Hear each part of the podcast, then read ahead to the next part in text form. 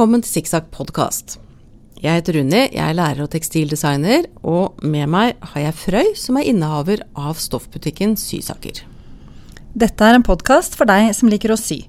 Vi snakker om å sy sin egen hjemmelagde garderobe, og intervjuer spennende folk og entreprenører som er opptatt av klær og tekstil. Vi utforsker temaet bærekraft i tekstilbransjen, og lærer underveis. Og nå er det nytt år 2023, Unni. Japp, første episode 2023. Ja, stas. Episode 51. Ja. Da, fordi nå fikk vi jo markert at det var 50 sist. ja, vi håper alle har feira det Veldig grundig. hjemme hos seg selv. Det forventer vi egentlig litt. Eh, send bilder av den festen. Nei, eh, spøk til side. Eh, du har sydd litt siden sist, du nå. Du har liksom brukt juleferien litt til det. Ja, for vi var jo litt eplekjekke rett før jul og sa at vi skulle sy eh, julekjolen. Ja. Eh, meg, jeg begynte å tenke meg litt om, og så fant jeg ikke noen fine kjolemønstre som jeg hadde lyst til å sy. Nei, fordi du skrota alle mine gode forslag. Vi spilte jo inn den episoden, og jeg kom med ene gode kjolemønsterforslaget etter det andre. Og så så, så du på dem etterpå og spurte den var kjedelig. Og den var kjedelig. Nei, det er ikke noe Ja, men jeg tror mange av de egentlig var litt avhengig av å ha et fantastisk stoff. Og jeg Ja. hadde ikke liksom akkurat det helt spesielle stoffet foran meg som jeg hadde lyst til å bruke. Nei. Det var kanskje noe med det. Ja. Men, men så begynte jeg å være litt fornuftig, og så begynte jeg å tenke ja, men hva er det du egentlig trenger i livet ditt? Ja. Det, eller i garderoben din, da. ja, Det var ikke flott kjole, eller? Nei, det jeg egentlig har savna veldig det siste året, har jo vært en litt pen bukse. Ja. Sånn at eh, jeg valgte faktisk å sy jule-nyttårsbukse. Festbukse. ja. Og når ble den ferdig? Den ble ferdig klokka eh, ti på to på nyttårsaften. Da kom det sånne panikkmeldinger underveis, og de kom veldig seint, syns jeg. Wow, jeg holder på med gylfen, hvor var det jeg skulle ha kantebånd igjen? Og da var jeg ikke helt oppmerksom. Ja, nei, for jeg valgte å sy en bukse i ulltvid. Ja. Og, og øh, For jeg har liksom sant, en del dongeribukser i forskjellig forfatning, og så har jeg to linbukser. Som også er litt sånn baggy. Så, så jeg syns det akkurat det å ha en litt, litt elegant øh, litt sånn, Med litt sånn stra, fint snitt. ja. Men jeg har jo ikke sydd øh, Jeg har vel knapt sydd noe særlig mer enn den ene buksa uh, Ylva-bukse. Ja, og det er jo litt annet kaliber bukse du gikk på nå. Det er vel en nybegynnerbukse? Det er absolutt en nybegynnerbukse. Ja, så den jeg sydde nå, det var eh, bukse fra boka til Flid. Og du har den på deg nå, og du er så fin. Jeg er veldig stolt. Ja. Nå fikk jeg lyst til å reise meg Ja, reise opp og vise fram. Ja.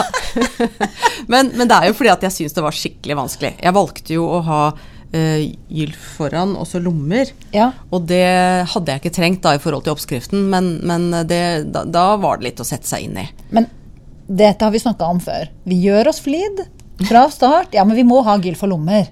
Ja, Du hadde angra hvis ikke du hadde laga de lommene. veldig. Jeg har vært veldig glad for de lommene allerede. Det er det jeg mener. De, mobilen ligger godt i den også, faktisk, selv om Ja. det kanskje ikke ser så godt ut. Det jeg ser nå som jeg syns nesten er litt komisk, det er jo at jeg har møtt opp i dag til podkastinnspilling i jakke i nøyaktig samme stoff som du nå har sydd bukse i. Ja, nå til sammen har vi en dress, under. Ja, vi har lagd en, en drakt. Heter det drakt? Det heter dress, syns Ja. jeg, da. For det er jo bukse. Men jeg, jeg sleit bitte Jeg må innrømme at jeg syns jo, jo alt funka veldig godt. Og overraskende nok, når, når man ser på størrelsestabellen og så prøver man å finne ut hvilken størrelse man har, så er jo jeg alltid tre forskjellige størrelser. Men i denne tabellen så var jeg samme størrelse. Og det er, litt, det er jo bare en litt sånn deilig opplevelse, bare det. da. Veldig fascinerende. Og så jeg syns det var et veldig, godt mønster. Altså det, ofte så er det noen sånne småting som ikke stemmer helt, som man må justere og litt sånn, men her syns jeg bare alt stemte. Eh, Men jeg syns det var litt vanskelig å forstå eh, beskrivelsen av gylf i den boka. Og, og kanskje litt fordi at det var mm, foto med mørke stoffer. Ja, sånn, ja. ja.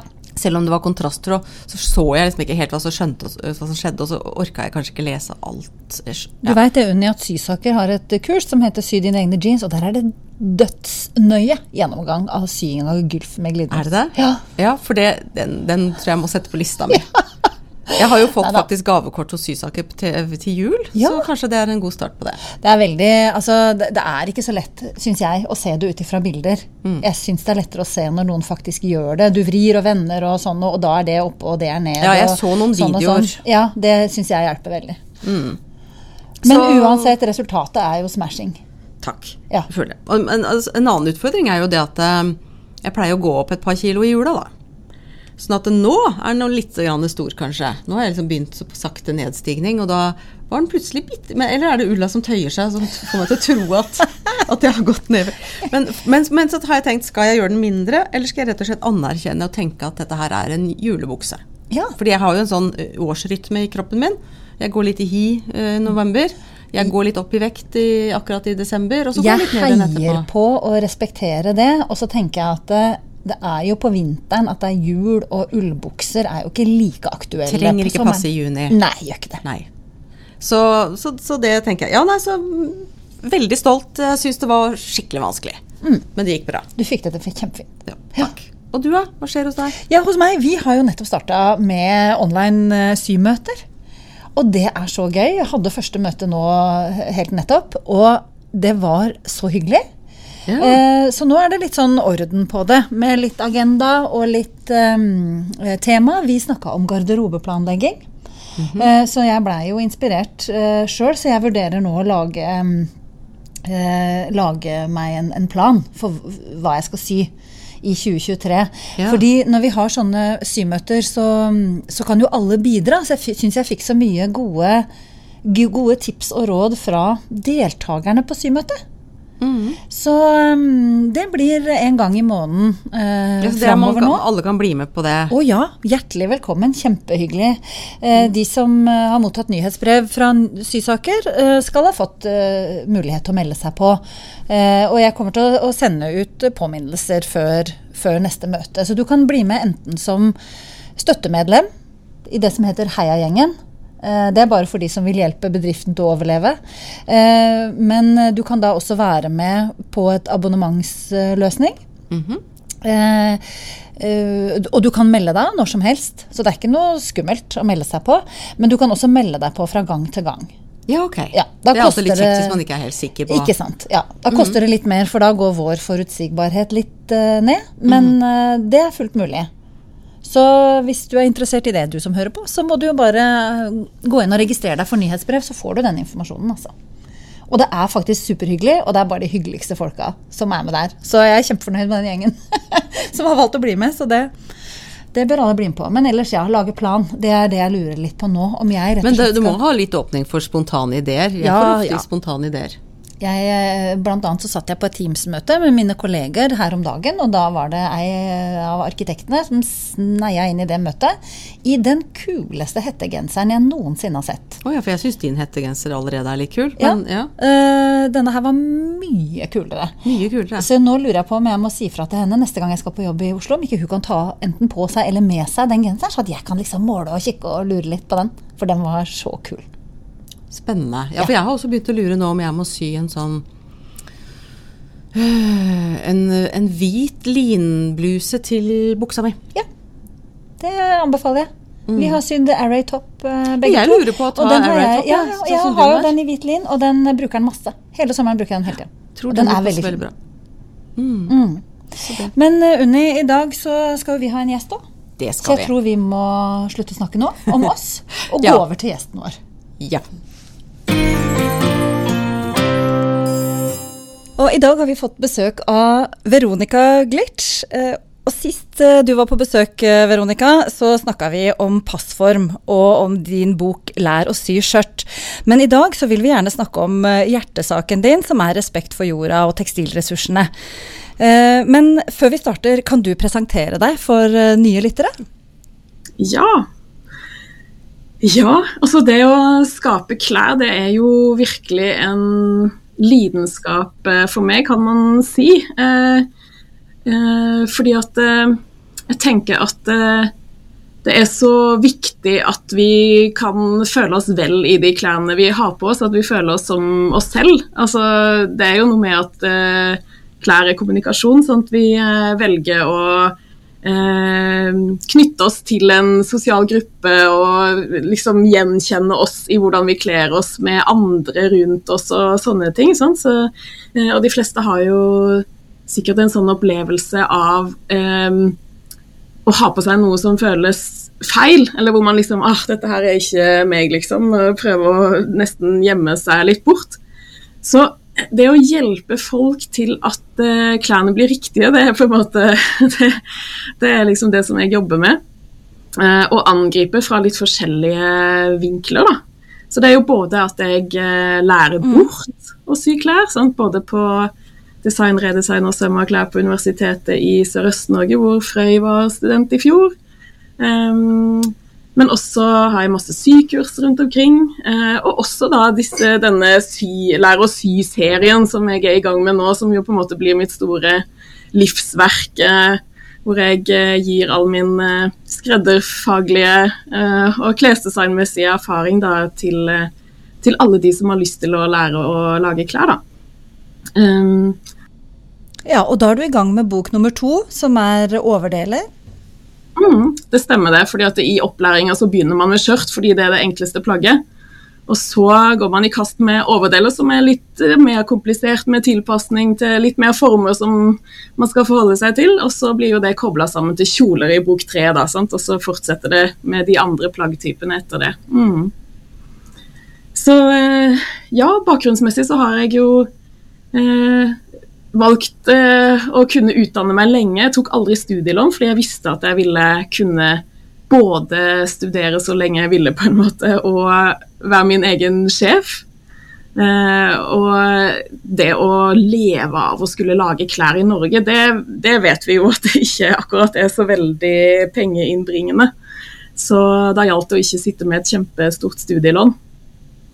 Um, så jeg, jeg starta liksom egentlig litt sånn historisk eh, med bachelor og master i folkekunst eh, tekstil, med tradisjonelt tekstilhåndverk.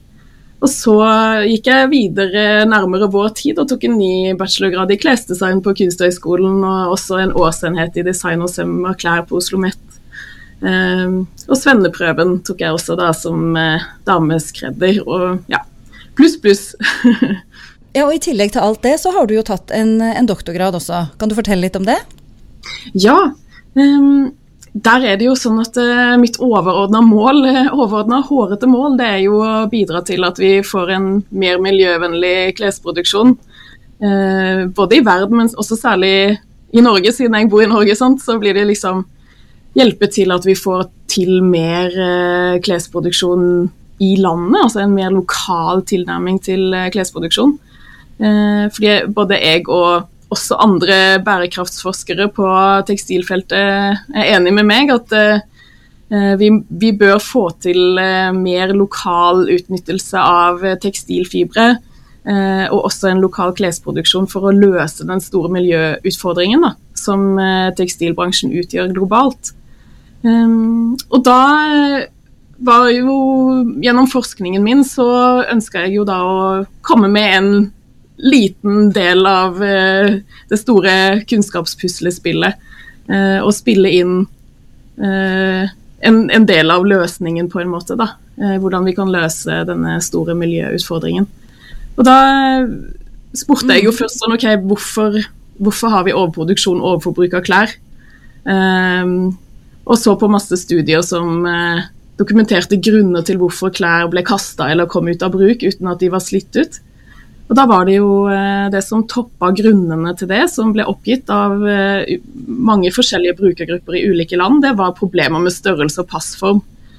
Eh, så det var sånn jeg begynte å fordype meg i ok, men hvordan blir egentlig klærne forma? Altså hvilke kroppsformer er de masseproduserte klærne egentlig lagd til? Og det viste seg jo at det var en sånn idealkropp som ikke så veldig stor prosent av målgruppen eller ja, den befolkningsgruppen som skal bruke klærne, har.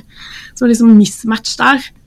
Så um, eh, resultatet av forskningen min er jo at jeg viser at det går faktisk an både å lage masseproduserte klær, men også å forbedre den praksisen og lage de ti størrelsene eller hvor mange du vil ha ute i butikk, eh, representative for den målgruppen som skal bruke klærne. da. Ja, Men da må jo produsentene faktisk være interessert i det, ikke sant? og det er vel kanskje der det ligger et problem nå, fordi noen av de, da, eller de store, mange, de produserer jo bare, liksom. I, i, store mengder og virker ikke å ta det helt inn over seg. Ja, men eh, så får vi jo disse eh, rapportene som forteller oss at uh, vi er nødt til å Altså, vi har dårlig tid. sant? Eh, og det er jo på mange mange felt i samfunnet, ikke bare på tekstilproduksjonen. Eh, men tekstilproduksjon er en av de store miljøverstingene globalt, hvor vi faktisk kan påvirke ganske mye hvis vi klarer å endre der. Og der sier eh, bærekraftsforskerne at vi må redusere tekstilproduksjonen med mellom 75 og 95% i forhold til dagens mengde. Og det er klart at når vi skal såpass mye ned i mengde, da er det jo ekstra viktig at eh, de klærne som blir laga, faktisk passer de menneskene som skal bruke de, sant? Ja, det er, jo, det er jo utrolig viktig. Og jeg husker du sa en ting eh, i fjor når vi studerte. Um, så sa du jo, og det var sånn veldig øyeåpne for meg, jeg har jo ikke tenkt på det sånn før, men du sa jo det at eh, kvinne 25 størrelse 38 og kvinne 65 størrelse 38 er to veldig forskjellige ting. Det er to helt ulike fasonger. Eh, og det tas det jo ikke høyde for, uh, så vidt jeg har fanga opp, i hvert fall. Nei, nei, nei. Uh, så ja, Um, det var jo faktisk mye mer differanse hvis vi går bakover i historien. Så når man begynte, altså når man på en måte gikk over fra at egentlig alle klær var lagd individuelt til brukeren, eh, direkte fra en sydam eller skredder eller hjemmesømsproduksjon, eh, til at det ble eh, fabrikkproduserte klær i standardstørrelser, så, så var det jo eh, ganske vanlig å ha f.eks. tre sett med kroppsformer. Og da var det liksom ung kvinne, mellom, aldrene og eldre kvinne. Eh, som ble sånne kategorier, da. Ja, Vi har en liten forsinkelse, jeg snakker litt i munnen på deg. Men, men eh, det eh, var snakk om eh, for noen år tilbake også at de store symønsterprodusentene hadde noe som het sånn pike og frue-variant Variant av, Ja. av mønsteret for å kunne passe til flere kropper, da. Ja, det stemmer. Men da er det noe med at vi kanskje ikke har lyst til å være ha ha klærne i middelaldrende kvinne. Vi har, vi har lyst til å være i den unge kategorien. og, og vi forbinder middelaldrende og eldre kvinner med et helt annet eh, estetisk uttrykk og snitt. Da tenker jeg på sånn bestemorbutikker. Men kanskje jeg egentlig burde handla i de butikkene for å få det til å passe til kroppen min. Jeg vet ikke om de fins lenger, Unni. De bestemorbutikkene. Jeg tror de er, jeg tror de er borte. Ja, kanskje det. Ja. Da kommer jo selvfølgelig dette med klesstil og eh, stilsjanger og, og hvilke stoffer som er brukt, hvilke materialer som er brukt, alt dette her inn også, da. Men hvis vi bare tenker på passform, sant, og du tar den samme eh, lille sorte eh, og får den til å funke til eh, din kropp, eh, og designet er likt, eh, men du har én kroppsform bygd inn for en eh, smalere, slankere kropp, og en for en som har litt mer former, sånn, Så, eh, så tror jeg de fleste ville foretrukket å ha en kjole som faktisk passer deres kroppsform, på en måte. sant? Um, så Det er jo ingen tvil, og det viser jo den forskningen din òg, da. Altså når du hadde lest disse undersøkelsene om at det er passform og størrelsesproblematikk som gjør at vi faktisk kvitter oss med klesplaggene våre. mm. Absolutt, og da kommer vi til disse yndlingsplaggene. Sant? fordi at eh, Det er det også gjort undersøkelser på at eh, yndlingsklærne våre de eh, er vi interessert i å få til å vare lengst mulig. og Der er vi villige til å betale for reparasjon og eh, for eventuelt å sy de om hvis de ikke har helt perfekt passform til oss og sånn. Um, og få de til å vare så lenge som mulig fordi vi er knytta til yndlingsplaggene våre. Så jeg tenker at eh, eh, målet og ønskedrømmen er jo at eh, alle sitter med bare yndlingsklær i klesskapene sine, og at alt det som vi bare liksom har kjøpt på oss og egentlig aldri bruker, eh, at, at vi slutter med det, da. For det er jo det som er overforbruket, sant. Ja. Du nevnte at, eh, at for at tekstilproduksjonen skal være bærekraftig, så må den reduseres med 75-90 Eh, Jeg hørte jo for en tid tilbake deg i et eh, brennende innlegg om ressursknapphet. Ja. Hva tenker du om, om det, Veronica? Mm. Ja, altså eh, det, der, der kommer jeg på en måte Da er det liksom aktivisten i meg som, eh, som har lyst til å eh, minne om eh, at vi har en forbrukermakt eh, som er veldig, veldig stor og veldig sterk hvis vi bare er mange nok som vil samme ting. sant? Eh, fordi at eh, eh, hvis, hvis vi eh, begynner å bli nøysomme og eh, ikke kjøpe klær som vi ikke kommer til å bruke. Altså, hvis, vi, eh, hvis, vi, sørger for at eh, de klærne vi har faktisk blir brukt og slitt ut, og får lov til å kanskje sirkulere videre når de ikke passer oss lenger, eh, men får lov til å få en ny bruker og alt dette her, eh, så eh, det er jo ingen som kommer til å fortsette å produsere en mengde med klær som ingen kjøper. sant? Um, så, og så er det også litt dette her at det er lett å tenke Eller det er lett å på en måte tenke at ja, men jeg Altså, klær, ja ja, det er noen sånne der uh, motefolk som interesserer seg for det, men jeg bryr meg ikke om klær, liksom. Um, og litt sånn avskrive at uh, at det faktisk har noe å si, det, det som akkurat jeg velger. altså sant, De forbrukervalgene jeg tar i forhold til tekstiler. Og da Eh, da tenker jeg at eh, da må vi huske på at eh, det å kle oss, det er jo noe som vi alle sammen gjør hver eneste dag.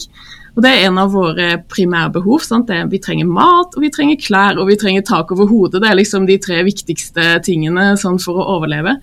Um, og så er det jo ikke bare klærne vi velger å ta på oss hver dag, som, hvor vi har en forbrukerstemme, sant? som vi jo bruker hver, hver, morgen når vi kler på oss. Så, så tar vi jo et valg. Um, men det er jo også det vi omgir oss med. Sant? Eh, vi tilbringer jo en, er det en tredjedel av livet som vi tilbringer i senga, den er jo full av tekstiler. Uh, og vi har masse tekstiler i hjemmet. Vi har uh, tepper, og vi bruker håndklær når vi tørker oss. Uh, og vi har gardiner og puter og osv. Og, så videre, og vi setter oss i bilen, og der er det noen tekstile elementer som vi setter oss på Og osv. Så, sånn. så hvis man på en måte går sin hverdag etter i sømmene, så vil man se hvor mye tekstiler man faktisk forbruker hver eneste dag. Og det å bli bevisst der, eh, på de valgene man tar, de forbrukervalgene man tar, der tenker jeg, der kan hver en av oss faktisk påvirke ganske så mye. Eh, og da kommer vi litt til det der med, med denne respekten for ressursene. fordi at jeg hører ofte at ja, ja, men eh, denne kjolen den kjøpte jeg for ti kroner på loppis, så den, uh, den gidder jeg ikke å betale en skredder for å få til å passe til meg. Sant? Men, men da tenker jeg ja, uh, mm. du betalte kanskje bare ti kroner for den, men tenk på den bomullsbonden som dyrka den bomullsplanten, og de spinnerne som spant det garnet, og veverne som vevde det stoffet, og syerne som sydde det plagget og deres tid, det, altså de timene som de har lagt ned, de er jo like mye verdt som dine timer. Så jeg tenker at det er veldig viktig å verdsette tekstilene. Mm. Som om vi selv hadde laget dem. Sant? som om det var vår egen livstid som gikk inn der. Eh, fordi det at vi selv bare betalte en brøkdel av verdien til det tekstilet, det tenker jeg det, det får være sekundært. Og jeg tenker, sånn som du nå, Unni Strand mm. Nei, uff. sånn som du, Unni. Jeg bare leste navnet ditt på skjermen her, så da kom etternavnet med. nå er vi litt formelle her. ja. Sånn som du, Unni, som, eh, som holder på å spinne tråd. Du har dyrka lin sjøl og spinnetråd. Du har jo sikkert en sånn Og skal veve også, sant? eller har vevet allerede, av det egendyrka fiberet. Du har jo sikkert en opplevelsen veldig klart i, i minnet nå om hvor lang tid det tar. ja, absolutt. Og jeg har jo også et prosjekt som jeg driver med på skolen. Vi er jo med på én kvadratmeter lin på den videregående skolen som jeg jobber på. Mm. Og tar elevene gjennom så lin, høstelin. Altså nå på fredag så bearbeida vi lin med linbråke og fikk litt grad tråd ut av det. Mm. Og det er jo dybdelæring er jo noe av det nye store i, i, skolen i dag. Og jeg tror det er veldig viktig for å forstå det som du sier der, den tiden det tar å lage tekstiler. Tror jeg de har veldig godt av å, å få en, en, liten bevisstgjøring rundt. Absolutt. Og jeg liker veldig godt det du sier, Veronica, om, om, å på en måte også ta seg tid og råd. Eh, altså Hvis man ikke klarer det selv, men kanskje ta seg råd til å få noen til å hjelpe seg med å reparere ting eller sy om ting, selv om de eh, kosta lite. For det er jo så sant at verdien på plagget eh, speiles jo veldig ofte ikke i prisen. Lenger. Altså, min mening er jo at vi får kjøpt klær alt, alt, altfor billig nå. Og det er vel derfor du også sitter nå uten studielån, helt bevisst fordi du veit at, eh, at folk er liksom ikke villige til å betale for å få laget noe. Man er, er, det er rett og slett for liten betalingsvilje, liksom, fordi vi har blitt kondisjonert til at uh, klær er en ting som vi bare kan gå og kjøpe utrolig lettvint og veldig billig. Mm. Ja, altså skal vi ha en, en rørlegger eller en uh, elektriker eller en snekker, tømrer, som skal gjøre noe i huset vårt, så vet vi at dette kommer til å koste mange tusen kroner hver eneste dag. Mm. Men vi har ikke den samme opplevelsen, fordi når det gjelder klær, så kan vi uh, holdt på å si kjøpe oss fri, men uh, der fungerer det Der har jo marked og produksjon egentlig ødelagt alt. Mm. Ødelagt alt. Ja. Så ingen, ingen tenker at, eh, at, de, at det Ingen er villig til å betale 6000 kroner dagen for å få sydd seg et plagg, mens det må man betale hvis man skal ha en snekker i, i arbeid. Det er et veldig godt poeng, og da har vi jo ikke engang Det er et tatt paradoks. med Absolutt, og da har vi jo bare tatt med syerskens del, eller skredderens del, men vi har jo ikke tatt med eh, selve produksjonen av stoffet, fordi det foregår jo ofte i lavkostnadsland. Men hvis vi skal nå mitt store store hårete mål med at vi har eh, norskprodusert eh, tekstilfiber og, og bekledningsstoff, da er vi også nødt til å betale norsk arbeidskraft for å ha lagd det stoffet. Og det kommer jo til å koste flerfoldige tusen meter, da, sant? Eh, eh, bare i start, i materialkostnad. Mm. Så, så kanskje, kanskje en gøy ting kunne være å begynne å, å sant? Fordi nå er det jo sikkert mange hjemmesyere som hører på oss, og bare oppfordre til å eh, bare dokumentere når vi viser noe vi har sydd, og så også si hvor mange timer vi har brukt. sant? Eh, bare som en litt sånn opplysningskampanje på en måte. sant? Eh, og selv om det da bare er Det er veldig spennende. Ja.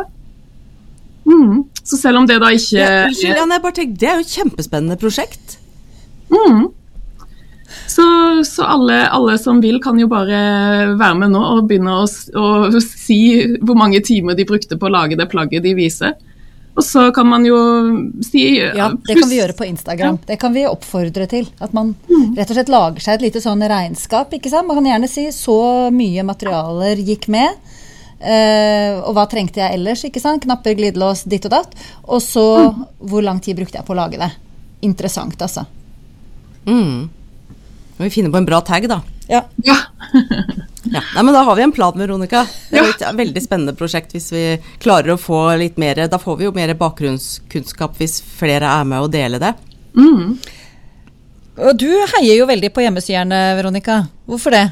Det er helt sant, og det er fordi at det er jo eh, sånn som situasjonen er nå, så er det jo eh, alle hjemmesyrene rundt om i landet som faktisk eh, opprettholder kunnskapen om det å lage klær. Og hvis vi skal komme til at vi får til å bli mer sjølberga på de klærne vi trenger i Norge, så trenger vi også den kunnskapen, og helst på så høyt nivå som mulig. sant? Eh, Så når vi har alle disse ivrige hjemmesyrene som har lyst til å lære mer og mer, og som ønsker å få til å sy plagg av eh, god kvalitet med, som er holdbare, som ikke, hvor ikke sømmene ryker fort, eh, og som har god passform, som har fin funksjon, altså at det er godt å ha på klærne, at det er godt å røre seg i klærne. Um, dess bedre har vi det jo sant, med å bevare den kunnskapen og holde den i live. Når det ikke finnes massevis av arbeidsplasser i Norge på det å produsere klær, så, så blir det jo også nedprioritert sant, eh, utdanningsmessig. Så det er jo liksom hjemmesyerne, de som har det som hobby, og de som ivrer veldig for å faktisk eh, Og er villige til å legge ned alle disse timene som vi nettopp snakka om. sant? Um, det er jo de som um, er med på å opprettholde fagfeltet vårt. Så heia alle hjemmesider! Ja, men Det er bra, men det er jo et poeng det du sier, at, eh, at det henger ofte på arbeidsplassene, det med vilje til å utdanne. Og det vet jeg flere som, som kan mye, som har utdannelse innen søm. De sier jo at det, det trappes ned og ned og ned og ned i skoleverket. Eh, Det med utdannelse innenfor søm og skredderi. Eh, og det ehm, ja, og, det, og da er det jo sånn at det er det jo hjemmesyerne som kan stå for den norske klesproduksjonen, da. Eller per i dag så er det jo det. For det er jo veldig få som gjør det proft, bortsett fra bunad, liksom. Absolutt. Og, og, jeg tenker at det, det, å tenke litt en parallell til bunad, det tror jeg ikke er så dumt, selv om vi snakker om hverdagsklær. Eh, fordi at eh, der er vi jo også vant til at materialene faktisk koster ganske mye penger. sant? Eh, og jeg tenker at eh, mm. det å være villig til å betale for et eh, materiale som er så miljøvennlig produsert som mulig, og så altså, sant, at det har vært gode etiske forhold for arbeiderne som har eh, jobba med å fremskaffe både råvaren og stoffet. Um, og da være villig til å betale mer for det, og heller tenke at ja, men da må jeg spare, da, Sant? hvis jeg nå vil sy meg Sånn som Unni som har sydd den fine kåpen sant, eh, av det verdifulle stoffet. Det å, det å på en måte vente eh, til du har råd da, til å bruke de mange tusenlappene også på metervaren. Um, og så legge ned da det arbeidet, enten om du syr sjøl eller om du betaler en, en uh, skredder uh, for å sy, eller en annen hjemmesyer. Uh, til å sy plagget, så tenker jeg da det er jo også noe med at det Da øker det også veldig verdi hos deg sjøl, hvordan du sjøl forholder deg. Da kommer du ikke til å slenge det plagget på bakken og la det bli skittent, eller Eh, eller liksom være uvøren med det, eller være slumsete når du velger vaskeprogram. Altså, sant? Du kommer jo til å Fordi at det, det var så eh, kostbart for deg, eh, og et såpass stort inn, inngripen i din privatøkonomi, at da skal du jammen meg få det plagget til å eh, vare så lenge som mulig og være så fint som det kan så lenge som mulig, og reparere hvis det kommer noe slitasje på det eller sånn. sant? Ja, mm. det blir jo hengt på kleshengeren hver gang, for å si det sånn. I motsetning til resten, som ligger i en tull i gangen, eller? Nei. Og jeg slenger mange av klærne mine. ja, De du har sydd selv også, eller? Ja, noen ganger så gjør jeg faktisk det. Altså. De ligger ikke kjempelenge, men, eh, men eh, jeg, det er jeg litt fæl til å gjøre.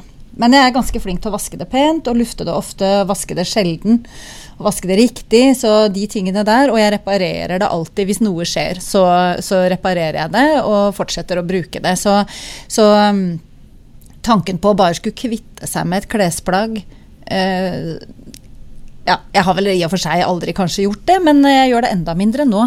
Eh, når jeg har laga det, ja. Det er veldig sant. Jeg reparerte ullstillongsen min uh, i jula. Ja. Og det, det var interessant. det begynte å bli så veldig store hull. Men så hadde jeg jo den forrige ullstillongsen min som hadde ligget som hadde, som hadde, så mye hull at den var eh, Jeg pleier å si beyond rescue. Altså det var ikke mulig å redde den. Så da brukte jeg deler av den til å reparere den nye ullstillongsen min. Og den fikk jo så mye rare lapper på så mange steder. Av og til så ser man sånne bilder sånn på Rabuseum og sånn, sånne veldig veldig gamle plagg som er bare mm. lappa overalt. Ja. Og den så jo sånn ut. Ja. Og så tenker jeg på en måte åh, den der kan jeg ikke gå med i svømmehallen og skifte. Tenk hvis noen ser meg. Men egentlig så er det jo et hedersmerke, eller det er jo hedersmerker, at jeg har faktisk satt meg ned og reparert denne stillongsen. Men, men jeg føler litt på det. Jeg vet ikke om dere føler på det. Ja, se på Eva Kittelsen, da. Hun, eh, hun, jobber jo med Hun sitter jo til og med og reparerer Hun har jo den der eh, hashtaggen 'mending in public'. Så hun sitter jo og, og, la, og reparerer små hull i, i stillongsen sin på T-banen i Oslo. Dette har jeg sett bilder av. Eh, og viser det veldig stolt fram. Så det Du må begynne å gå i miniskjørt når du skal ha på den stillongsen. ja, altså jeg kjenner meg ja, igjen. Rodega, har du lappa? Jeg kjenner meg godt igjen med litt denne skammen, fordi at jeg er jo vokst opp med veldig miljøengasjerte foreldre, så det ble alltid lappa. Jeg, eh, fra jeg var ganske liten, så hadde jeg som fast ukesoppgave at jeg måtte lappe seks eh, plagg i uka eh, for å få lov å gå i svømmehallen på lørdagene. Da. Det var liksom så Både meg og storesøsteren min sto opp grytidlig på lørdagen når vi ikke hadde rukket å, å lappe våre seks eh, plagg. Eh, og det var jo fordi eh, min mor var opptatt av at vi hadde 100% bomull og 100% ull sant, eh, på alle klærne. Ikke noe 7% elastan eller noe sånt i sokkene. Og da går det jo veldig fort hull. Eh, så en femhodet familie da produserte ganske store lappeberg. Eh, og da gikk gikk vi jo gjennom og prøvde å finne de klærne som hadde minst hull og færrest ting å lappe, men det, det gikk jo tom for det etter hvert. Så, um, men da var det sånn at jeg skamma meg veldig over å gå med disse Selv om det var liksom matchende sytråd og alt, men det at man kunne se på tærne på sokkene og på hælen på sokkene og strømpebuksene og sånn, at det var lappa. Det prøvde jeg alltid å gjemme unna, husker jeg. sånn eh, barneskolen så, så, dro jeg liksom tærne til sokkene innunder sålen og sånn. Eh, for å liksom gjemme disse ja, ja. hullene. Mm.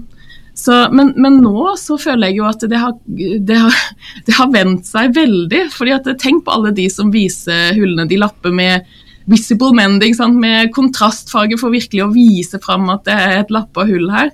At det blir liksom status. Um, så det syns jeg er veldig gøy, da. Uh, at det faktisk kan bli noe veldig positivt isteden. At uh, her har jeg investert i å få lappa klesplagget mitt. Ja, og jeg, det jeg lurer på, da, eh, det er jo sånn eh, når Fordi det jeg tenker og jeg, og jeg, skjønner hva dere snakker om, altså. Men jeg, det jeg tenker er jo at vi går jo kanskje med sånne klær hjemme eller sant, i hagen eller på fritiden. Men uh, når og, og, så kan man jo kanskje i sånn eh, kontorsammenheng strekke seg til noen lapper på, på uh, albuen på en blazer, f.eks. En litt fin lærlapp eller korklapp eller noe. Men utover det så ser du veldig lite reparerte klær sånn Hva skal man si, da? I den, den eh, denne verdenen hvor folk på en måte kler seg proft for å gå på jobb, da. Hmm. Men sånn var det vel før også. Man ja. begynte jo med den nye uh, bunaden eller folkedrakten. Det var jo ikke bunad da, men man begynte jo med plagget på, på, i kirken på søndag, og så gikk det jo gradene nedover etter hvert som det ble slitt. Ja. Og så har du jo også ulike nivåer av lappeteknikk, sant? fordi du kan jo virkelig, eh, hvis du tenker en eh, tynn, tynn ullgenser, og så har du funnet akkurat samme tynne garnet, og så tar du strikkepinner i én millimeter i diameter og strikker opp maskene, sant? og, og eh, eh, strikke igjen hullet, sant? Eh, eh, sånn at det blir helt usynlig da tenker jeg at det må jo være fullstendig innafor å gå på en eh, businessjobb med det. Um, eh, så, så, jeg tenker at eh, denne eh, kunstlappingen, på en måte altså Hvis du virkelig tar det på sånn kjempehøyt nivå og gjør lappinga helt usynlig, for det er jo faktisk mulig eh, i, i, mange tilfeller å gjøre lappinga helt perfekt på en måte, at det sklir helt inn i det um, det stoffet eller det materialet det var. da. Så, men det, det, tenker jeg det er jo ikke verdt å legge ned i den ullstillongsen. Der syns jeg Der får vi, får vi ta Ja, for det er jo litt forskjell på det og bruksplagg som blir slitt og slitt og slitt hele tiden. Så også litt sånn som sokker, eh, og, og, som du sier, ikke sant. Som eh, eh Ja, men eh, den stillongsen din den er nå klar for museum. da, Unni. Det blir sånn lappa sånn På 2020-tallet i Norge så lappa man stillongs. Hæ? Du jeg håper det. det. Jeg håper det er det vi husker. At det var da vi begynte å lappe klærne igjen. Mm. Ja, helt enig. altså. Heia, heia det. Eh, men du Veronica, vi har lyst til å snakke om én ting til med deg, og det er det her med redesign. Eh, og det har jo du jobba veldig mye med. Og jeg, eh, jeg ja, gikk jo på studiet ditt i fjor, som sagt, og det Jeg syns jo at du hadde en litt sånn annen tilnærming til redesign enn det som liksom ofte vises på Instagram som sånn kjapp-kjapp redesign. Kan du fortelle litt om det? Ja, altså eh, når jeg begynte å jobbe med, med, redesign, så var det fordi jeg hadde så eh, kvaler for at jeg på en måte bare skulle eh, kjøpe ny, eh, nyprodusert metervare og lage enda mer klær som verden ikke trenger, liksom. Og så hørte jeg om alle disse 150 eh, 000 tonn med klær som nordmenn kaster i året osv. Altså disse enorme mengdene. og ja, eh, Vi har jo alle sett de her bildene av eh, søppel, de tekstile søppelbergene globalt. det er jo helt forferdelig, liksom. Um, så jeg tenkte at her ligger det jo så masse ressurser. altså Alle de tekstilene som på ingen måte er slitt ut. Det må jo gå an å få gi, forlenge livstiden til de, altså la, la de tekstile ressursene faktisk blir slitt ut. Um, og det er klart at Hvis du da i tillegg har produsert miljøvennlig, sånn at det eh, de siste restene av tekstilet faktisk kan havne på komposthaugen og bli til jord uten å avgi masse giftige kjemikalier til jorda, så er det jo helt ypperlig. Det, det, er jo det som vi må strebe etter. Men det, det å da bruke redesign som, en, som, et middel for å gi tekstiler en sjanse da, til, å, til, å, fortsette å bli slitt, istedenfor å havne på søppelbergene, det var, liksom, det var min inngang til redesign. Og da, eh, da, ble det å tenke fordi at eh, hva, Hvorfor ble ikke dette klesplagget brukt? Jo, men antagelig så har det enten feil utseende eller feil farge eller feil form for, for brukeren. Og da å forme om sant, eh, på en sånn måte at det er, at det er attraktivt igjen da, for, eh, for et individ å, å, bruke plagget det, det, er liksom inngangen min til redesign. Og så kan du jo gjøre det på så veldig mange forskjellige måter, fordi du kan jo enten bare få et klesplagg til å funke, altså hvor du egentlig, sant, en kjole som du har kjøpt som du liker veldig godt, snitt og farge, men det passer bare ikke helt til deg sant, eller til din kropp. Du trenger å eh, korte ned, flytte ermene lenger inn. Um, ja, sånne ting. Det kan jo være en eh, en eh, passformtilpasning som, eh, som trengs, eller at eh, det er en, en, bukse som ingen kommer til å bruke som bukse, som kan få lov å bli skjørt, f.eks. For um, fordi da blir den mer attraktiv for en bruker. Så ja, og, og, og, så er det jo det at jeg er opptatt av at det skal sys like grundig og, og proft som om det var et nyprodusert plagg. da. At man liksom ikke tar masse snarveier bare fordi man redesigner, på en måte. Mm. Sånn at eh, også håndverket er, er, med da, i redesignprosjektene. At det er god kvalitet. Mm. Ja, det liker jeg veldig godt med din, eh, din, tilnærming til det. Det er vel kanskje det vi kaller for eller, ka, omsøm. Altså det er på en måte kanskje redesign. Det er kanskje Jeg vet ikke helt, ja, det er jo det samme. Men, eh, men jeg liker veldig godt at du tenker nettopp det. At, at kvaliteten skal beholdes. Um, ja, jeg tenker jo at eh, kvaliteten bør egentlig bli bedre. Det er jo ikke noe vits i å redesigne noe til lavere kvalitet enn plagget hadde før. Men vi har sett det skje på Instagram. Det skjer. Noen ganger skal man jo bare gjøre ting for gøy, selvfølgelig òg. Ja da, men jeg tenker at skal et plagg ha sjansen til å bli brukt, så må det jo være godt sydd og ha god funksjon og god form og alt det der. Fordi det er da det har et potensial til å bli et av disse yndlingsplaggene våre. sant? Vi har lyst til å bruke til de er slitt ut. Det er jo det. har, har du noen tips til de som ikke er så, så veldig høyt utdanna innen omsøm og eller innen sømtekniske eh, ferdigheter? Eh, noen sånne enkle ting man kan starte med? Hvis man skal sy om eller tilpasse til plagg? Ja. eh, da er det egentlig på en måte et hovedtips, og det er å gi seg selv tid og, og, øve opp sin tålmodighet, og faktisk sprette opp noen flere sømmer enn man kanskje har lyst til.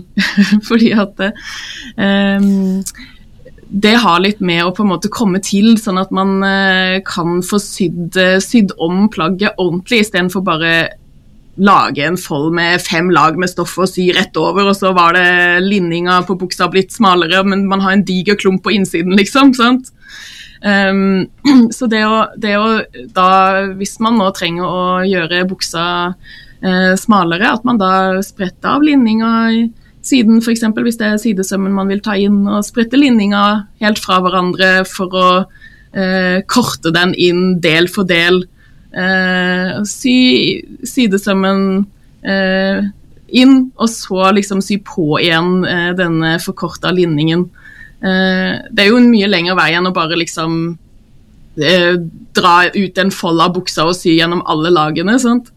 Um, men uh, resultatet vil bli mye mye bedre. og det, det, det, her er jo noe av det som jeg helt i praksis ser på masse sykurs, for da råder jeg jo nettopp til det som jeg sier nå. Hvis jeg var deg, så ville jeg ha spretta opp den linninga. Og, liksom, og, og så blir jo kursdeltakerne De ville aldri gjort det hjemme, men når jeg på en måte sier at de burde gjøre det på kurs, og de gjør det, så blir de jo så glade. fordi at det, Wow, liksom, nå ser jo buksa akkurat like proft sydd ut som den var før jeg gjorde denne forkortingen av linninga, liksom. Eh, så de blir jo så lykkelige eh, over at eh, at det blir proft, liksom. At de slipper den her tjukke folden på innsiden. Og så er det det andre Ja, og at det tok seg den tiden. Ja. Mm. Og det andre det er liksom et av mine mantra, og det er jo dette med innprøving. Altså, eh, fordi at eh, når vi syr klær, og det gjelder jo like mye når vi skal sy om og endre og redesigne som når vi skal sy etter et symønster f.eks., så, så er det jo sjeldent at vi på en måte f.eks.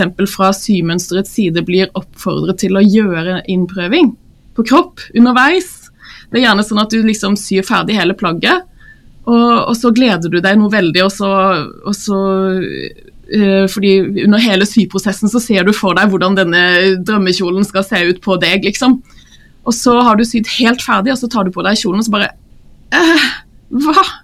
Uh, ja, men jeg valgte jo størrelse etter mine mål, liksom. Og, men dette her ser jo helt forferdelig ut, liksom.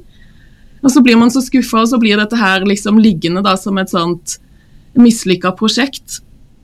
Og det er så synd. Så, jeg, så prøv, prøv, på kroppen så fort det går. Sant? Jeg er jo veldig opptatt av, og De siste årene så har jeg blitt enda mer opptatt av å prøve allerede med papirmønsteret. sant? Nåle sammen og teipe sammen papirmønsteret og holde det opp og nåle det fast på kroppen foran og bak for å se hvor havner den sømmen der? Hvordan er det med den vidden? Ser det litt for trangt ut i siden her? Ja, da kan jeg teipe på papir allerede nå, før jeg har klippa i stoff, liksom. Men så også liksom eh, starte med å bare klippe ut hoveddelene. Ikke alle detaljene med lommer og belegg og lukninger. Vente med det. Bare ta liksom framstykket, bakstykket. Få sydd det sammen, få prøvd det på kroppen så fort som mulig. Eh, sånn at man fortsatt kan gjøre endringer før det liksom er for seint i, i syprosessen, det gjør underverker, altså. Hvis man eh, tar seg den tida til å prøve på hele veien eh, mange, mange ganger i løpet av prosessen, så, så, er det så mye større sjanse for at du blir fornøyd, og at ikke du får den der dumme overraskelsen til slutt over at ting jo ikke passa i det hele tatt. Nei, jeg kjenner meg igjen i det. At jeg har fått meg noen sånne overraskelser. Og det er som du sier, man blir utrolig skuffa og, og lei seg. Og, så, øh, og de gangene, sånn apropos det første du sa, om, om å sprette opp ordentlig og gjøre det ordentlig og, og sånt noe. De gangene man tar snarveier, så gjør man jo det fordi man er så spent og man vil ha det fort ferdig og se hvordan det blir og, og, sånn. Og så tenker jeg at den tiden er jo veldig kort i forhold til den tiden du etterpå skal bruke plagget. Og da irriterer du deg hver gang. eh, og det, sånn at det er faktisk verdt å ta seg tid, altså. Fordi du skal bruke plagget så veldig mye lenger enn, enn tiden du bruker på å sy det, liksom. Akkurat det du sier, Frøyda, det er faktisk det argumentet jeg bruker òg når jeg prøver å overtale en, en uh, kursdeltaker eller en student til å gå den litt lengre veien. Fordi da sier jeg liksom at ja, men om du legger tre-fire timer til på det plagget nå, så fordelt på alle de gangene som det skal brukes og brukeren skal få glede av det plagget, så er det virkelig verdt å ta de tre-fire timene ekstra nå. Og jeg syns jo det er litt vanskelig også å prøve klær, altså se hva som egentlig eh, når du har det på din egen kropp, ikke sant, og se litt hva som egentlig må endres eller ikke passer helt, så, så for meg i hvert fall, så syns jeg det er veldig fint å ha med meg noen som kan hjelpe meg litt, og sette inn noen nåler og at man er to om det. Det er et godt tips. Absolutt, og, og, da kommer vi jo inn på skredderfagets kompetanse. Og det er jo ikke sånn at eh, vi er født med å kunne sy klær, liksom. Selv om det kanskje noen fortsatt tenker litt det, at uh, særlig jenter og damer de skal på en måte bare kunne sy helt automatisk. Sånn som alle nordmenn er født med ski på beina, så er jentene født med å kunne sy. Men uh, jeg tenker at uh, nettopp det å kunne analysere en passform f.eks., og kunne gjøre en innprøving proft, det krever jo veldig mange år med, med erfaring, innsamling av erfaringskunnskap og, og også selvfølgelig utdanning. Um, så det er jo en av de tingene som kanskje nesten er litt sånn vanskeligst å tilegne seg. Jeg syns ofte at studentene mine f.eks blir veldig sånn fordi at hver nye kropp som jeg har foran meg når jeg da skal hjelpe til med innprøving, så gjør jeg andre ting. sant? Så det, så det, det oppstår jo mm. ofte litt sånn forvirring, fordi at eh, ja, men forrige gang så gjorde du det innsnittet dypere, og så gjorde du det, men det gjør du ikke nå. Nå skal du klippe opp mønster og putte inn eh, papir. altså sant, Det blir liksom sånn eh. Og det er jo nettopp fordi alle kroppene våre er så individuelt forskjellige. og krever da ulike tilpasninger på klesplagget. Og det å på en måte eh, få det der veldig store repertoaret av hva du kan gjøre eh, for å få en god passform til akkurat den kroppen. og det tar jo tid å lære seg, så der tenker jeg der må man bare også gi seg sjøl litt slack. og bare sånn, vet du hva, Jeg kan ikke forvente av meg sjøl som hjemmesyer her hjemme at jeg kan lage perfekt passform til hvilken som helst kropp, liksom. Men eh, man, ofte så, hvis man, hvert hvis man syr mye klær til seg sjøl, så får man jo mer og mer erfaring for hva som funker for en selv, da. sant? Så og det er jo også fordi man da går med de klærne man har sydd sjøl, og det gir en jo også veldig masse erfaring. For da kjenner man oi, nå det strammer når mm. jeg sitter i det skjørtet her, så strammer den sømmen. Ja, da må jeg ha litt mer vidde der. Eller, eller overdelsplagg, hvis jeg prøver å sykle i den jakka her, så kjenner jeg at det strammer bak på ermesømmen. Hm, ja, det var kanskje litt lite bevegelsesvidde. Altså, ja, alle, alle, de tingene der da, som, som er veldig verdifulle å, å samle på. da. Um, så ja. Eh, jeg tenker at eh, for de som har lyst til å lære, så blir det jo å, å rett og slett bare samle, samle, på seg mer og mer erfaring etter hvert. Altså vil det, vil det bli lettere og lettere å, å, se hva som trengs å fikses på, eh, på plaggene for å få god form. Ja, altså det, man blir jo veldig imponert når man ser en proff i, i, i farta, sånn som deg f.eks. Når du bare ja, men du må gjøre sånn og sånn og sånn. og sånn, og så veldig sånn der, ja, men ok, det, Jeg skjønte ikke at jeg kunne fikse det problemet på den måten. Og det er jo det som er med erfaring, ikke sant. Som, som um, ja, som du sier, man må bare øve og, og gidde og prøve og, og, og se og, og, hente fram ressurser og prøve å lære så godt man, man kan. Da. Men uh, det er jo ikke alle som skal jeg tenker jo at vi som syr hjemme, vi, vi, må jo være veldig fornøyd hvis vi får til god passform til oss, og de vi mm. eventuelt syr til rundt oss. Mm. Ja. Det er et godt sted å starte, i hvert fall. det er jo det. Ja. Og det vet jeg jo for meg, så var det eh, liksom den store motivasjonen for å begynne å sy i det hele tatt. Det å få til klær som passer er jo fantastisk. Og da tenker jeg at Når jeg syns det er så fantastisk, så tenker jeg, jeg sier jo det alt om den klesindustrien, og hvor lite opptatt de er av at jeg skal få klær som passer. Og folk skjønner ikke at de kan få klær Nei. som passer så Nei. godt. Det er sant. Det er jo akkurat det som er den store fordelen ved å faktisk eh, bruke tid og ressurser sånn, på å, eh, enten å sy sjøl som hjemmesyer, eller å betale noen proffe for å sy klær til seg. Så tenker jeg at eh, det, det, som kan gjøre det verdt i den investeringen, da, det er jo nettopp det som, som du sier, Frøy. Den opplevelsen av å få et klesplagg som er helt riktig. Både farge, stilmessig, material, teksturmessig, men, men, selvfølgelig også hvordan plagget sitter på kroppen. da. For det er jo en luksus som de færreste av oss uh, får lov å oppleve av de masseproduserte klærne. sant? Så, og det er også at det da er sydd uh, eh, grundigere, kanskje. Sant? Fordi det er jo veldig press på de som syr på klesfabrikkene i dag, at det skal gå så sinnssykt fort. Så de får jo ikke gjort den eh, Kanskje valgt den gode sømteknikken da, sant? Som, har, som høyner kvaliteten på plagget. Um, så, så det, det, tenker jeg at det, det, er på en måte den, den lyks, luksusen som du kan få uh, uh, glede deg over, som du får igjen for. da, Å faktisk betale Eh, en eh, norsk arbeidskraft for å lage klær som kan gjøre tilpasning på deg, eller eh, at du investerer sjøl i den tida det tar å sy et, kle, et klesplagg til deg sjøl. Um, og, og, jeg ser òg det, altså um, Når jeg jobber med kundesøm, så er det jo nettopp den gleden. Altså Folk blir jo så glade når de opplever å få på seg et plagg som faktisk er lagd til dem. Det er, liksom, ja, det er jo noe av den største belønningen man kan få som, eh, som, som skredder, og se den gleden. Og ofte så er det sånn at, at folk kommer kanskje inn og, eller kunder kommer inn og tenker at ja, men jeg kan ikke ha dette snittet her, eller eh, jeg kler ikke sånn og sånn, eller dette stoffet passer ikke til meg, eller eh, jeg kan i hvert fall ikke ha en åpen rygg, eller altså, sant? Det kan være mange sånne ting som man har, har for seg. Og så Men så, så får man plagget tilpassa til seg, og så ser man plutselig at nei, det var jo ingenting galt med verken stoffet eller fargene eller, eller uh, designet egentlig. Det var jo bare det at det ikke var tilpassa til meg, liksom. Um, ja, så det, det, er veldig gøy uh, å kunne gi folk den gleden uh, av noe som er lagd til dem. Mm. Jeg, synes det, jeg liker at, du, at vi, vi, jeg synes vi skal gjøre det alle sammen. Se på det som luksus. For noen ganger så har vi behov for å unne oss litt luksus. Og, og det er jo eh, Du kan si det er synd at det skal være luksus, men det er jo det. Eh, særlig kanskje det med å finne rette materialene i kombinasjon ikke sant? med farge og passform. Eh, og da, da, oppleves det liksom ganske fantastisk, altså. Mm. Det gjør det. Men du Veronica, hva, hva syr du på akkurat nå?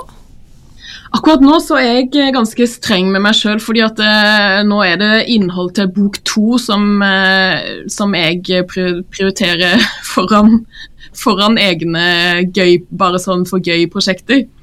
Um, så nå Ja. ja nå har jeg nettopp jobba meg gjennom å dokumentere tilpasning av grunnform for eh, overdel Eh, til tre forskjellige kroppsformer, som jeg eh, skal ha sånne trinn for trinn-oppskrifter for i boka. Så nå, eh, Og så har jeg også gjort ferdig mønsterkonstruksjonsskolen. Så det som jeg gleder meg til å, starte med nå, det er jo at jeg skal vise flere ulike plaggdesign. Helt fra mønsterkonstruksjon og via innprøving på kropp, og da hele søm, sømprosessen til ferdig plagg. Og da har jeg, for jeg har samla inn masse innspill fra Eh, fra de som følger meg på sosiale medier og spurt liksom, hvilke type snitt og plagg ønsker dere å eh, få oppskrift på, sånn helt fra mønster til eh, via innprøving til ferdig plagg. Og så, så, da har jeg jo lagd meg en liste hvor jeg da skal oppfylle de ønskene. Um, så, så det, det, er veldig gøy, for jeg liker jo veldig godt å gjøre hele prosessen. Uh, ikke bare tegne et plagg og la noen andre si det, men få lov til å liksom virkelig tegne mønsteret og, og, tilpasse det til kropp og si det helt ferdig, det, det liker jeg veldig godt. Så um, det er det som, som, som, er Ja, jeg kjenner jeg gleder meg veldig til den boka, altså. ja, for alt kommer i boka, ikke sant? Sånn at dette her kan vi få lære alle mann alle som gidder. Mm. Ja, og Det setter jeg kjempestor pris på. fordi at uh, Det å, å, lage noe og vite at det er noen som, som, faktisk ønsker seg det som jeg lager, det er jo så stas for meg. Så det er bra. Ja, altså du fikk jo veldig skryt eh, for den skjørtboka. Eh, det har jeg hørt. og, det, og, det, er eh, vel, vel fortjent. Og det, og det, er jo nettopp det der å få det, få det grundig og godt beskrevet av en som virkelig kan det. Og, og det jeg syns man kan få som tillegg da, istedenfor bare å sy seg et plagg fra et mønster, det er jo nettopp den derre liten sånn kreativitetsboost for sin egen del som leser, men også da at man faktisk kan se noen muligheter for hva kan jeg gjøre for å få dette til uh, for meg og hos meg og uh, med mitt uh, på en måte kunnskapsnivå. Så, så ja, nei, jeg gleder meg jeg òg til den boka. Det blir stas. Mm. så bra.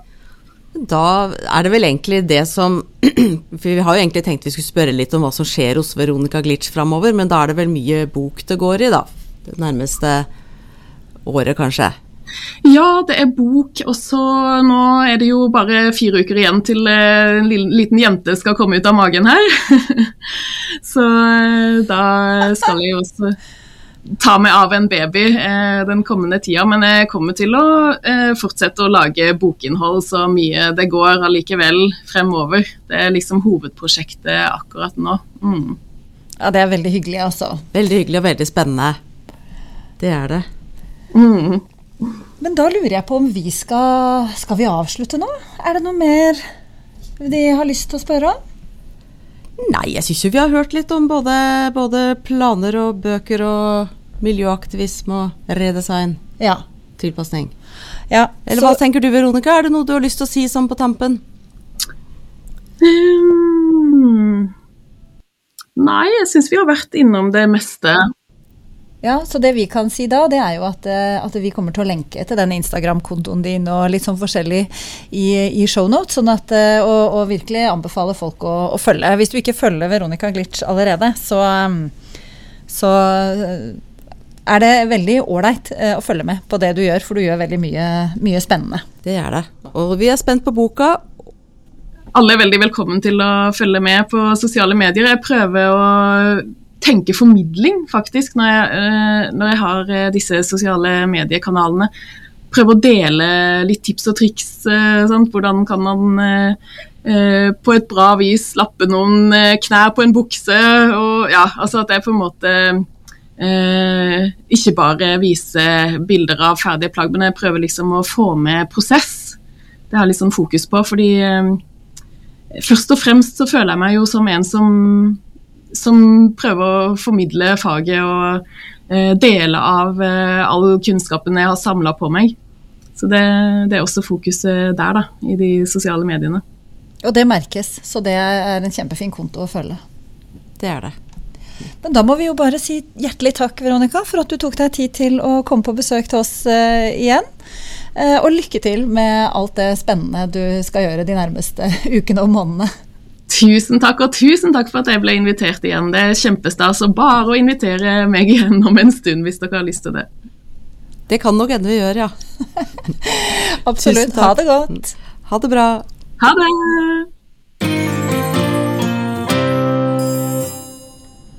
Dette var dagens episode av Sikksakk podkast. Du finner meg, Unni, på www.unnistrand.no og Frøy på www.sysaker.com.